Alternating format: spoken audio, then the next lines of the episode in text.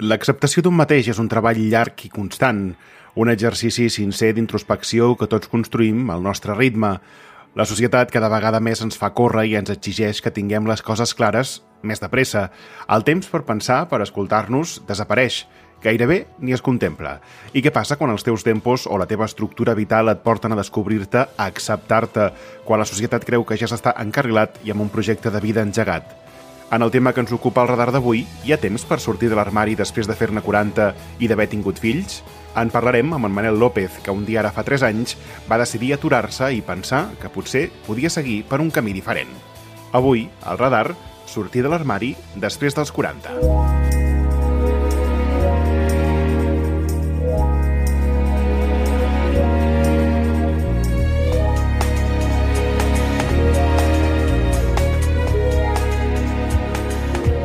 El radar. Si et busques, et trobes. Doncs encetem una nova edició del Radar. Benvingudes i benvinguts a un nou episodi. Us saludem a tots aquells que ens escolteu a través de les diverses plataformes on podeu trobar-nos, sigui de dia, de nit, al vespre, a casa, al cotxe, des d'on ens estigueu escoltant. Avui estem especialment contents de poder parlar amb en Manel i de centrar el programa del Radar d'avui en la seva experiència. Abans de res, moltes gràcies, Manel, per ser aquí avui amb nosaltres. A vosaltres. Doncs comencem pel, pel principi, Manel. Uh, com hem dit, tu estaves casat amb una dona, un matrimoni amb el qual teníeu dues filles, però l'any 2017, quan tu tens 42 anys, uh, fas un pas endavant i decideixes uh, doncs sortir finalment de l'armari. Explica'ns una mica per començar, si et sembla, com va ser tot el camí, és a dir, com s'arriba al punt de fer aquest clic, uh, al punt de dir avui toca sortir de l'armari. Home, doncs, uh, el camí eh, el camí és complex, el camí és llarg i el camí és tortuós i són com allò, no? Diferents senyals que vas veient als quals doncs t'hi vas enfrontant des de, en el meu cas, des de, des de petit, des de que jo era un nen, um, però que sempre, degut als inputs que has anat rebent per, perquè la societat uh, és com és, perquè la, la generació en la que m'ha tocat viure doncs, és com és, doncs clar, eh, tu negues tots aquests, tots aquestes, aquestes, aquests inputs que et van arribant, els vas negant, et vas apartant, et vas, et vas amagant, eh? et vas tancant, tancant, tancant, i evidentment, doncs, tu com a, en el meu cas, doncs, com a, mm, com a fill primogènit d'una família, d'un poble de Berguedà, on representa que hi ha poca gent, que totes aquestes coses doncs, són coses que, ui, Déu nos en guard, doncs, clar, vas configurant una, un ideal i, i això, a més a més, eh, sumat al propi caràcter de cadascú, doncs et vas configurant un ideal i una manera de, de, de veure el món i de veure la vida que et porta doncs, a seguir un camí determinat. Malgrat que contínuament eh, et van, vas rebent per l'altra banda doncs això, aquests inputs que et van dient ei, mm, potser la, el teu camí no és aquest, sinó que és l'altre, no? I tu, no, no, no, no, de cap manera. Fins que arriba un dia que, que les, les coses maduren tant que cauen pel seu propi pes. I per, per tant, quin va ser el clic? Quin va ser aquest detonant, aquest moment de dir és ara? El, els primers uh, inputs potser que jo recordo que vaig rebre va ser quan era molt petit. Mm, contínuament els nens doncs, diuen el que veuen i diuen el que, el que pensen i pam, et deien... Va, clar, llavors jo era el marica de la classe, no? I això a mi em, em, em, em feia sentir malament perquè quan arribava a casa doncs, no hi havia aquest reforç en positiu de dir, mira, no passa res, si és així és fantàstic, eh, ho has d'entomar d'aquesta manera i no passa res. Vull dir, um, és genial tot plegat, no? Uh, sinó just al contrari, tu reps els inputs de la teva família que et va dient, ui, no, això no... Va, que es deixin estar de tonteries, que no sé què, que no sé quantes, i al final mm, et vas et vas tancant en tu mateix per no donar masses explicacions, intentes, intentes tapar-ho i, i tot, no? Jo crec que hi va haver un moment, hi ha una... Bueno, en el meu cas, tot és una història que va passar a, a, a través d'un insecte, un insecte que és una papallona. Quan era molt petit, el meu avi, en l'hort de, de casa, eh, va trobar una eruga molt bonica, d'uns colors molt bonics. Aquesta eruga la vam agafar la vam ficar dintre d'un pot i aquesta eruga dintre del pot es va transformar en una papallona, que és una, és una papallona que, que, fa, que, que és tan grossa que té la particularitat de poder emetre so. Quan es va transformar en papallona, a mi em va fer molta mena d'angúnia i a partir d'aquell moment jo detecto que visc com una papiliofòbia. Si mai havíeu vist un home córrer davant d'una papallona, m'havíeu de veure a mi i llavors uah, jo desapareixia. I en el meu cas, doncs, després de molts anys de seguir eh, al costat doncs, de la que era la meva parella i mare de les meves filles, um, perquè vam tenir una relació molt llarga, que, que gairebé va arribar a 20 anys, i sí, clar, si em vaig separar amb 42, això significa que és la meitat de la vida, no? Eh, compartint experiències i aventures i amics i, i, i absolutament tot amb, amb, amb una altra persona, la qual evidentment t'estimes. En aquest transcurs d'aquest temps, el que va passar doncs, va ser que a casa meva doncs, vaig trobar-me una eruga d'uns colors molt bonics a la tardor del 2016 i a partir d'aquí, doncs, bueno, és una història tot curiosa, una mica esotèrica també, perquè, perquè vaig buscar quina eruga era. En aquells moments jo ja estava fent de mestre en una escola i vaig pensar que era una bona forma que els nens de l'escola poguessin veure el procés de la metamorfosi de l'eruga, doncs resulta que era la mateixa eruga que havia trobat el meu, any, el meu avi molts anys enrere. També se'n diu borinot de la mel i segurament molta gent la coneixerà perquè quan aquesta eruga d'aquests colors tan bonics es transforma en papallona, doncs surt una papallona de nit negra que s'alimenta de mel, totalment inofensiva, però que a l'esquena, per la banda de darrere del, del tòrax, té marcat un dibuix que sembla una calavera, és a dir, la mateixa papallona de la pel·lícula El silenci de los corderos. Jo, en veure això, vaig dir, ui, mmm, què passa amb aquesta història, no? I llavors vaig trobar que en el costumari de català de Joan Amades posava que eh, en els països catalans eh, hi ha la creença de que és un mal averany que aquesta papallona, que aquest insecte aparegui en alguna casa, perquè en les cases on apareix doncs, es produirà algun fet traumàtic, una mort, un canvi sobtat, alguna cosa que distorsionarà el, el, la marxa de, de, del lloc on, on apareix. I, evidentment, en aquell moment, a part d'un cúmul de moltes coses, de més tensions amb la parella que estava i tot això, doncs em vaig adonar que aquí, merda, merda, ja sé el que està a punt de passar. I llavors, doncs, va ser quan eh, em vaig dedicar a, a, bueno, doncs a, a posar les coses a lloc. Ja està, simplement simplement i segurament eh, complicadament, perquè no deu ser fàcil, i, i més després de tants anys, eh, posar una mica d'ordre i sobretot escoltar-te, sentir-te i segurament fer aquesta feina, no? Bueno, són molts anys de, de rebre primer els inputs, aquests, de no fer-los cas, després de rebre'ls i fer-los cas però d'amagat, uh, jo què sé, uh, esbravant-te com pots, no? Perquè tu has, t'has configurat una vida amb un... Bueno, amb, et, et cases amb una dona, malgrat que et tira... La dona ho sabia en aquell moment, perquè jo havia tingut una relació fa molts anys, al principi de... Bueno, fa, quan, quan estàvem... Eh, que no ens havíem casat ni res, vaig tenir la primera relació que vaig tenir amb un, amb un altre noi em va descol·locar tantíssim que vaig pensar, ostres, això jo a la meva nòvia li he d'explicar que he tingut una relació amb un altre noi i que amb qui em sento segur és amb ella i que amb qui voldria estar és amb ella i que m'agradaria que... Això, doncs com ho puc fer per netejar les meves culpes? Això és el, el, que, el que em va passar a mi, no? Doncs em va acudir doncs, de demanar-li, precisament, demanar-li veure si es volia casar amb mi. Perquè ella veigués que jo qui estimava era ella. I, i, i ella s'ho va rumiar i em va dir, doncs sí, i llavors doncs, vam tirar el pas, vam fer el pas endavant. Clar, mica en mica, doncs, tu vas i li justifiques dient, dient doncs mira, a mi m'agrada tot, m'agraden els nois, m'agraden les noies.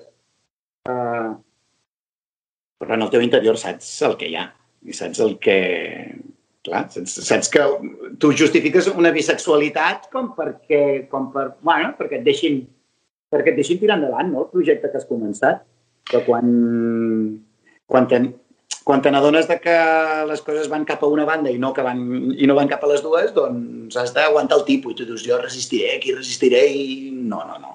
Veus que van sortint eczemes per tot arreu i veus que les tensions a la família cada vegada són pitjors i tens criatures i sembla que les coses s'arreglen i després encara no i encara és pitjor i, i arriba un punt que, et diuen, xato, mm, posa't... Eh, perquè va ser ella, eh? Va ser ella la que em va dir, xato, posa't a lloc. I, I gràcies a aquesta actitud, que per part seva també jo crec que va ser molt noble, doncs, bueno, això vol dir que ara en aquests moments tenim una molt bona relació, malgrat que cadascú segueix el seu camí per separat i que compartim aquestes filles precioses, que és el millor que ens ha pogut donar la vida. Uh, suposo que aquesta estructura de la que parlaves, aquest projecte uh, creat en tots aquests anys, uh, era una de les coses que potser et feia por uh, trencar, perdre o desestabilitzar? Home, sí, evidentment, perquè a ningú li agrada uh, anar a trencar una família, per dir-ho d'alguna manera, o a ningú li agrada uh, posar en problemes unes criatures que tenen un pare i una mare i, i, i, i, i viuen bé mm, perquè reben totes les atencions, perquè els caps de setmana vas a fer coses en família, perquè, clar, haver de donar aquest pas i haver de dir, mira, és que, és que les coses no van així, és que jo necessito ordenar la meva vida.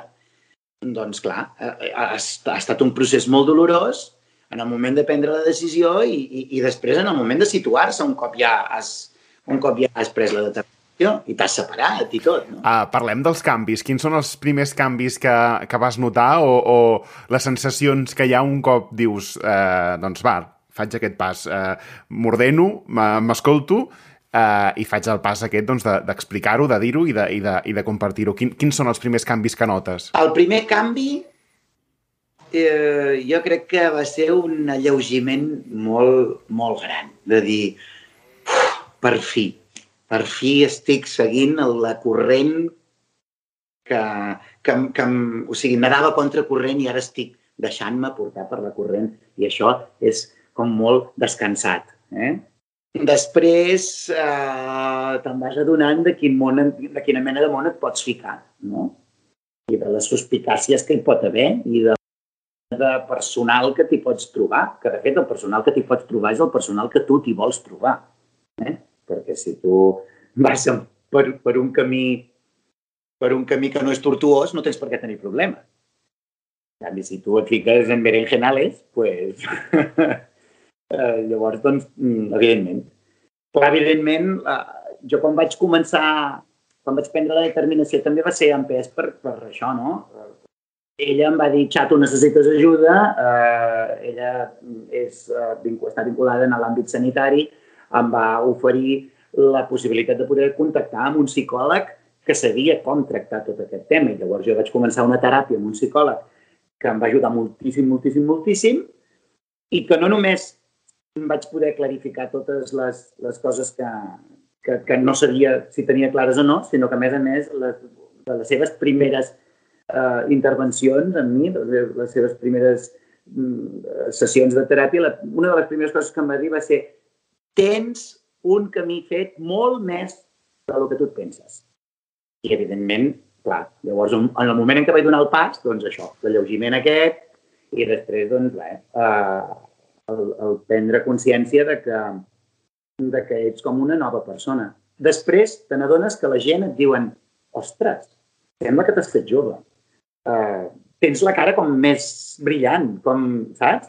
Ara que parlaves de, de la gent, no sé si l'acceptació social, l'entorn més proper, també era una de les coses que, que et feia uh, por, mandra, o, o el fet d'haver de donar explicacions, saber quina seria la seva reacció, com, com ho vas portar? Mira, gràcies també al psicòleg uh, i, i, i el treball que vaig fer amb ell, um, vaig tenir molt clar des del primer moment que, evidentment, uh, la meva separació uh, va ser va ser com a punta de l'iceberg, jo sempre ho explico això, eh? com a punta de l'iceberg, de l'iceberg eh, és això, no? El, el Manel és gay eh, i la seva actual esposa no està disposada a compartir la vida amb un, amb un home que, que, que sigui gay, que també es dona, eh? que en el món hi ha de tot, a la vinya del senyor tenim de tot.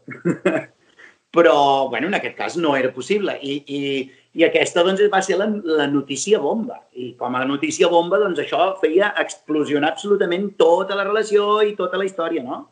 Però, de la mateixa manera, amb la pregunta que em feies, l'acceptació social, doncs jo vaig tenir en, molt clar des del primer moment que no només havia de ser la, la persona que, amb qui jo compartia el, el, la vida que havia de saber aquesta història i on em col·locava jo, uh, sinó que havia de recol·locar tot el tauler d'escacs, tot.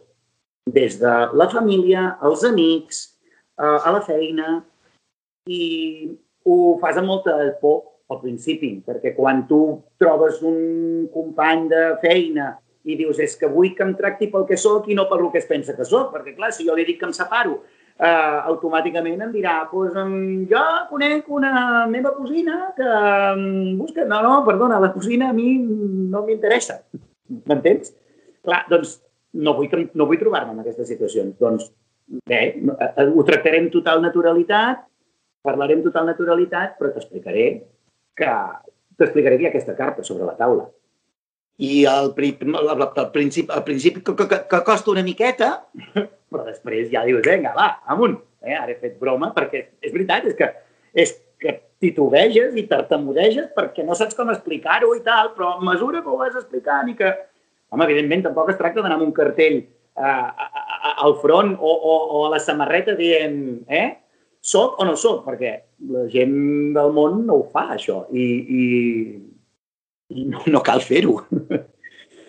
Però sí que és veritat que parlar-ne amb total desinhibició eh, permet que les coses es posin a lloc molt ràpidament i que l'acceptació social per tothom sigui totalment bona, sense cap mena de problema, amb excepció del pare i la mare. El pare i la mare tenen un socarrón en el moment, recordo que va ser molt emotiu, uh, tenia tenia un llibre que era del, del, del meu psicòleg, eh, amb el qual hi ha un apartat eh, dedicat als pares, i és el dia de Sant Jordi, i vaig agafar dues roses i vaig dir, dic, me'n vaig, me'n vaig a casa dels meus pares amb les dues roses, amb el llibre, per si em sortien per taneres que sapigués què contestar. Uh, vine papa, vine mama, teniu una rosa cada un, us estimo molt i veniu cap aquí que us he d'explicar una cosa em separaré i, a més a més, ha això, això i això. I llavors, l'acceptació en aquell moment va ser nula, total, o sigui, és en plan, bueno, tu ho sabràs, però n'estàs segur? Uh, vols dir que no sé què? Potser ara és passatger? Bueno, clar, evidentment, un pare o una mare uh, que han viscut en la generació en la qual han viscut, evidentment, uh, han crescut en un franquisme mm, bueno, mm, gris i, i, i que tots aquests temes els esborrava eh, del mapa i si algú s'atrevia a parlar-ne, doncs què passava? Encara era pitjor. Per tant, aquests temes no es tocaven. Doncs, clar, eh, van, va ser una mica un mar de llàgrimes aquell dia de Sant Jordi. Però la justificació, per exemple, del meu pare és i què passarà amb les nenes? I vés en compte la feina, no? Farà? Pues, si faig de mestre, faig de mestre igual, sent gay o no sent gay, o dient que ho soc o no, o no dient-ho, perquè, evidentment, abans també ho era, però mm, ningú ho sabia, no? O sí, hi havia gent que sí que ho sabia, ha sempre la gent que a toro passat et diuen ai, pues ja ens ho pensàvem, mm, pues t'havia notat alguna cosa, pues clar, evidentment, pues, si t'escapa alguna plometa per aquí, pues, la, la, la intentes caçar perquè no es noti, no? Però però l'acceptació social jo no he tingut cap mena de problema. Llavors, evidentment, la mare t'entén perquè t'ha parit i, i perquè li dius, mira, mama, si tu no te n'adonaves que quan feien anuncis a la tele de la Barbie jo passava, però del Ken no passava, o de la princesa passava, però de la banderada no, mmm, doncs aquí el problema és teu i no meu. Uh, I llavors, ella també se n'adona que, que el seu fill, a més a més, està millor, separat, al cap d'un temps, el, el pare també se n'adona, eh? Vull dir, veuen que, que, que, que segueixes bé, que estàs cada cop millor i llavors diuen, ostres, doncs potser si ho considerem un tema tabú, doncs el deixem com a tema tabú i passem per sobre de puntetes, però, però ara ja hi ha molta més acceptació, evidentment. Uh, quan has, has començat a explicar tot això, ho has fet amb, amb, amb una metàfora, diguem-ne, molt xula de, de la papallona i tal. Uh, el fet de ser professor suposo que hi ajuda a l'hora d'explicar les coses doncs, de forma molt visual. Ara parlaves dels pares, suposo que un altre moment uh, complicat i difícil va ser explicar-ho a les filles, no? És a dir, anar a la segona, a l'altra uh, part de la generació següent, no? Com, com va ser? Doncs mira, Um, com que ja estava preveient la tempesta que passaria, just quan estava al principi de la teràpia i just quan ja era imminent la separació perquè ja no es podia, mm, no es podia enfrontar d'una altra manera, uh, vaig tenir temps també de, de fer, va ser per una Setmana Santa, la Setmana Santa d'aquell any, uh, que va ser quan va néixer la papallona, per Setmana Santa també, que a més a més, doncs és, eh? Déu-n'hi-do, eh? Pasqua de resurrecció, és com, oh, què passa aquí? És com molt tot plegat. Va ser tot molt, molt, molt... És una història molt bonica, la veritat és que és molt bonica. Doncs aquella mateixa setmana vaig tenir temps per pensar què passaria amb els fills. I vaig escriure un conte. Un conte sobre dracs, princeses, com que ens enganxava pels vols de Sant Jordi, doncs sobre dracs, princeses, que el drac és dolent, però en realitat el drac és bo, perquè és bo que surti el drac, perquè si no, malament.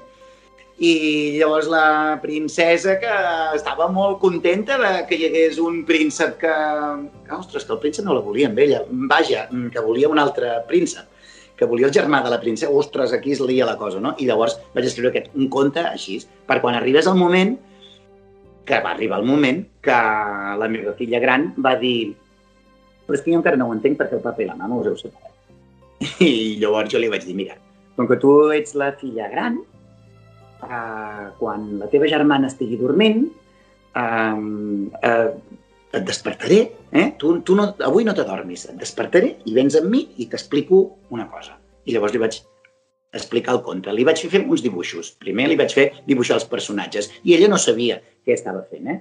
Li vaig dir, ara dibuixem un drac, ara dibuixem una princesa, ara dibuixem un príncep, ara dibuixem un altre príncep, i clar, amb aquesta història vaig poder explicar una miqueta la història de la meva pròpia família i la meva pròpia història. I, i amb els seus dibuixos com a personatges del conte li vaig explicar el conte i després mm, bueno, li va agradar, li va agradar perquè aquests dibuixos encara els guarda i de tant en tant encara em diu explica'm aquella història del príncep i la princesa i, i tot això. I, i sí, eh, va ser una forma de, de, de poder-ho explicar. Això amb la gran, després amb la petita també també li vaig explicar el mateix conte i va ser una forma simpàtica de, de, de, de, de, de que ho entenguessin. Al principi costa, eh? la societat m'aixaca moltíssim. O sigui, un pare de tenir una mare, i clar, i quan, i quan la nostra mare mm, tingui un, un nòvio, serà el nostre pare, no. El pare que tens és un, i sóc jo. En tot cas, és el xicot de ta mare o la parella de ta mare, però no és el, no és el teu pare. Uh, I això deixar-ho molt clar. I, clar, i, i llavors li planteges, no? Els hi planteges a les criatures i si mai el teu pare té una parella, també li diràs papa? Eh, no, el papa ets tu. Doncs si no li dius papa a la parella del teu pare, perquè no perquè li has de dir papa a la parella de la teva mare? Vull dir, no. Llavors, eh, clar, i, i, i els nens ho van, ho van veient fins que arriba un punt que, amb el temps, doncs jo què sé, a vegades és... Uh, mira, últimament, aquesta setmana passada, la meva, la meva filla gran va veure un noi que, que estava no sé què i, va dir, i, i li vaig dir, eh, és guapo, eh, aquest noi? Diu, sí, diu, que és gay? Dic, pues no ho sé, dic, pues si ho fos podria ser el teu nòvio. Vull dir que ara ja, ja està, ja, ja, ja ho han uh, interioritzat, que és el que hauria de ser des del primer moment, vaja. Uh, crec que aquest llibre té un ninxo de mercat molt important. No sé si arribes a aquest Sant Jordi o no, però crec que per molt, moltes famílies seria molt uh, una eina de gran ajuda tenir aquest llibre, aquesta versió uh, diferent. Doncs mira, no ets el primer que m'ho dius, eh? però potser algun, algun editor que hi ha per aquí té ganes de... de algú, algun editor que ens escolta té ganes de posar-se en contacte i, i ho fem, no ho sé, no ho sé. Fem, fem la crida, els dibuixos ja hi són, per tant, il·lustrat ja ho està. Ja, una mica, són dibuixos de nena de mm, 5 anys, 6 amb altres persones que, que he parlat de la mateixa de la mateix d'una història similar o del mateix canvi de vida, eh, a vegades eh, expliquen que quan comencen, doncs, podríem dir, aquesta segona etapa, de, o tercera o quarta, la que sigui, aquesta nova etapa eh, de la vida, hi ha una mica la sensació d'haver perdut una part del temps, d'arribar tard a algun lloc, fins i tot alguna persona em va fer, eh, per, per, per treure una mica de, de, de ferro a tot plegat, eh, em va explicar que és com quan arribes a un bufet lliure però hi arribes als últims 20 minuts, que tens la sensació de que no et dona temps de, de, de provar tot el que vols provar. No sé si aquesta sensació l'has viscut tu. Jo potser no diria que l'he viscut de la mateixa manera. Sí que és veritat que jo ho comparo eh, com o sigui, a veure, el temps és el que és, i el temps no el tirem enrere. I llavors, clar, com que jo penso sempre moltes d'aquestes històries de... Bueno, no, el temps no, no, no... Amb els nens a l'escola sempre els dic, el temps no es guanya ni es perd. S'aprofita o es desaprofita. Ja està. Llavors, el temps no el perdeu, el desaprofiteu. Per tant, a partir d'ara em dedico a aprofitar el temps. El que ha passat, també l'he aprofitat. L'he aprofitat amb altres coses. Mm, però sí que és veritat que quan tens aquest, aquesta sensació de lleugiment, de que tens via lliure, més que un bufet lliure d'un restaurant, jo ho comparo amb que ets un toro que surt a la plaça i uah, et tires, vinga corrent allà, corre, corre, corre, corre, perquè, perquè tens molta energia i, i et diuen, compte, tu corre, corre tot el que vulguis, que sàpigues que la cagaràs i evidentment la cagues i et trobes amb persones que dius merda i ara com li dic a aquest senyor que marxi de casa meva i, i, i et trobes en situacions que dius, hosti, jo m'ho imaginava, me l'imaginava més gran, m'entens? però, però no és la sensació d'haver perdut el temps en absolut, és la sensació de que a partir d'ara s'obre un temps meravellós que es pot aprofitar i llavors és com, va, vinga, a por ello. Uh, però segurament, com, per molt que t'avisin, fins que no la cagues i te n'adones tu, realment no, no, no, no n'és conscient. Per tant, uh, des d'aquí uh, defensem el dret a cagar-la i a... I Només i a... faltaria, s'ha de cagar la cosa. T'has d'equivocar a la vida perquè fent i desfent aprèn l'aprenent, no hi ha més, és que és així. T'has sentit jutjat en algun moment per les persones que s'han anat coneixent uh, després de fer aquest pas? Hi ha hagut algun impediment a l'hora de conèixer doncs, noves parelles, noves amistats? Com, com, ho, com ho viuen? Jo, a veure, jutjat, mm, si algú m'ha jutjat, mm, és problema seu. És a dir, el que pensin els demés de mi és problema seu, no és problema meu. Mm, bàsicament, he, he rebut eh, he rebut molt escalf i molta comprensió i sobretot allò de, hosti, nan, nano, havies de patir moltíssim, no?, durant tot aquest temps, però estàs parlant de mitja vida, remant a contracorrent, és que ha de ser molt cansat de desgastar molt això. Vull dir, més que sentir-me jutjat, m'he sentit acompanyat. I això és molt d'agrair. Mm, I ja et dic, i si algú m'ha jutjat en plan, mira aquest, eh, ja s'ho farà, m'entens? No, no, no m'incumbeix. Uh, ja per anar acabant, uh, fes-nos una mica de valoració de com valores aquests anys, uh, diguem-ne, de, de, de nou Manel, com havies dit una mica abans, o d'aquest canvi d'aquest bueno, pas.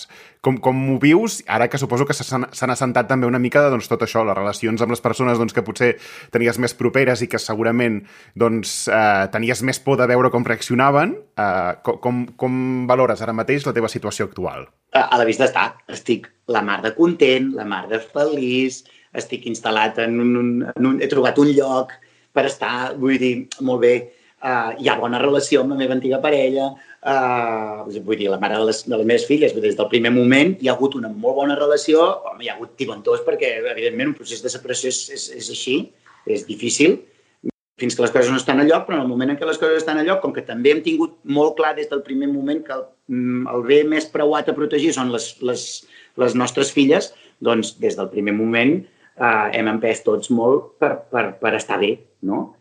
I, i per tant, valoro mm, que estic, bueno, estic molt millor del, del que estava. Eh, recordo el primer estiu va ser ha destrossat totalment, un mar de llàgrimes, no... Bof, la quantitat de llàgrimes que van sortir pels meus ulls només la sé jo. Perquè, clar, perquè no saps què has de fer i què et trobaràs i et fan... Tens moltes pors, no?, que et plantegen aquí al davant, però que després mica en mica doncs, vas veient que tot es va posant a lloc, que la vida et va somrient i, evidentment, la vista està doncs, que ara estic la mar de feliç, la mar de content i espero que... Res, estic molt bé amb mi mateix eh, i, això, i això compta per si mai mm, doncs, he, he d'afrontar una nova etapa, no? Doncs que bé poder-ho sentir, eh, que bé que també ho puguis explicar d'aquesta manera perquè molta gent que potser doncs, eh, òbviament tothom viu la seva vida i el seu procés i les seves eh, coses, però potser es pot sentir, potser es pot, es pot sentir doncs, eh, vinculat d'alguna manera en aquesta història, per tant, veure això eh, és molt important. Eh, ens agrada sempre acabar una mica preguntant amb les persones amb qui parlem que ens eh, recomanin algun llibre, alguna pel·lícula, algun uh, el que sigui, uh, que tingui contingut LGTBI, que l'hagi marcat d'alguna manera, ja sigui perquè s'hi sentit reflectit, ja sigui perquè ha après, ja sigui perquè... Uh, pel que sigui. No sé què, què, què t'agradaria recomanar-nos. Jo, a veure, us puc recomanar... A banda, a banda del llibre eh, de la versió B de Sant Jordi, que també crec que podria entrar en, aquesta, en, aquesta, en aquest tipus de llibres. Ai, ai, ai, que se m'ha girat feina. S'ha de revisar molt tot. No, uh, sí que havia pensat en un parell de llibres que, bé, un és el que va escriure el psicòleg al qual jo vaig assistir i que m'estimo molt, que és el Gabriel J. Martín, Uh, I que el llibre és, un, és com, el, com el, què diria jo, la, la Bíblia, la Bíblia de tot aquest món, de tota aquesta gent. I, i el llibre es diu Quiérete mucho, maricón, i maricón escrit amb lletres vermelles. És a dir, o sigui, si tu has tingut mai algun problema amb aquesta paraula, no, no, amb lletres vermelles en majúscula i, i, i que es vegi, no? I clar, és això, no? Una mica aquí es parla de, de, m'ha marcat en el sentit de que m'ha permès entendre a on, a on estava, situar-me jo, i sí que hi ha moltes dades tècniques i moltes estadístiques i molta interpretació d'estadístiques, però i és tot des de la història de l'homosexualitat fins a com es troba l'homosexualitat en diferents eh, espècies animals, perquè també hi és, i evidentment eh, ho analitza tot amb números, els tipus de relacions que es poden tenir, com et pots sentir, mm, vaja, uh, com, quin tipus de relacions et pots trobar, amb quines, uh, jo què sé, uh, és, un, és una bíblia, és, és un totxo gran, eh, important, eh, té 500 pàgines, però, però està molt, molt, molt ben escrit i em, a mi em va, em va fer situar molt. Però un altre llibre que ell mateix em va, em va recomanar uh, i que li vaig sentir identificat des de la primera pàgina fins a l'última. Uh, recordo que ell em va, em va recomanar que, que me n'anés un dia a una llibreria de temàtica LGTBI i entrés i em comprés un llibre que es diu de Bernardo Ruiz Figueroa des del tercer armario. Um, que és el, diu, el proceso de reconstrucción personal de los hombres gays separados de un matrimonio heterosexual. Evidentment, era una fotografia, però, vam, de, de, del que em passava, no?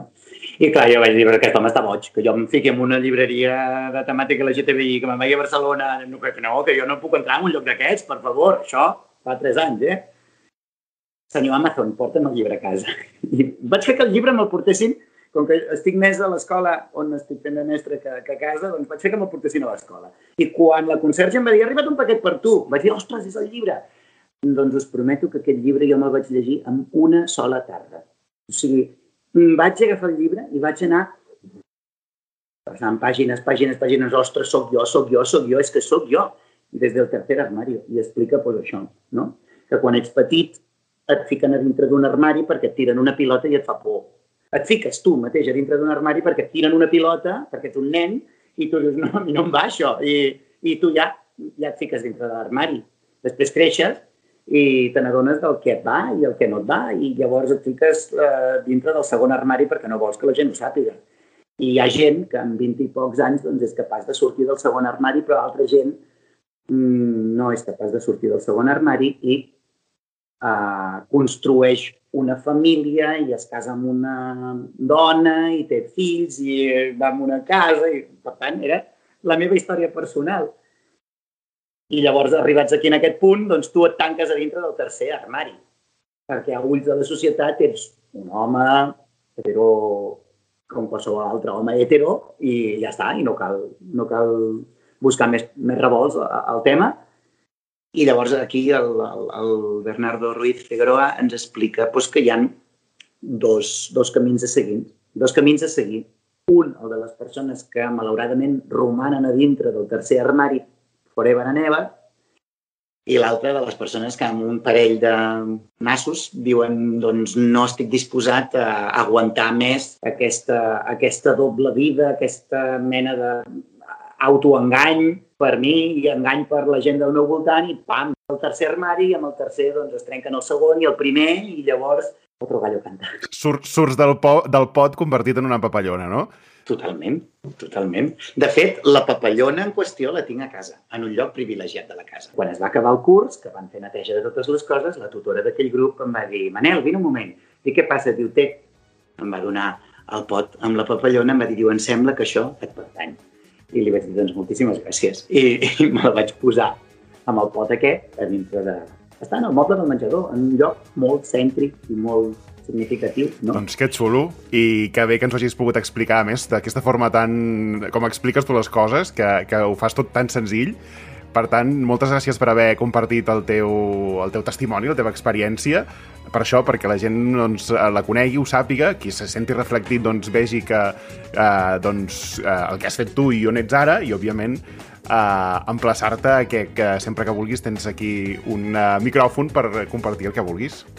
He explicat ja moltes coses, eh? No sí, sé. no, d'aquí un temps ja si de cas, perquè déu-n'hi-do, eh? déu nhi Molt agraït a vosaltres també per... I, i moltes felicitats per la iniciativa de, de, de posar eh, sobre la taula tots aquests temes que si han de servir per ajudar ni que sigui una sola persona, doncs jo ja em dono per satisfet. Perfecte, doncs moltes gràcies, Manel. Fins aviat. I moltes gràcies també a vosaltres per ser-hi a l'altre cantó i escoltar-nos una vegada més. El testimoni del Manel ha sigut un dels molts que volem escoltar, un dels molts temes que volem tractar aquí al Radar. Ens escoltem en el proper episodi del podcast. El Radar, amb orgull.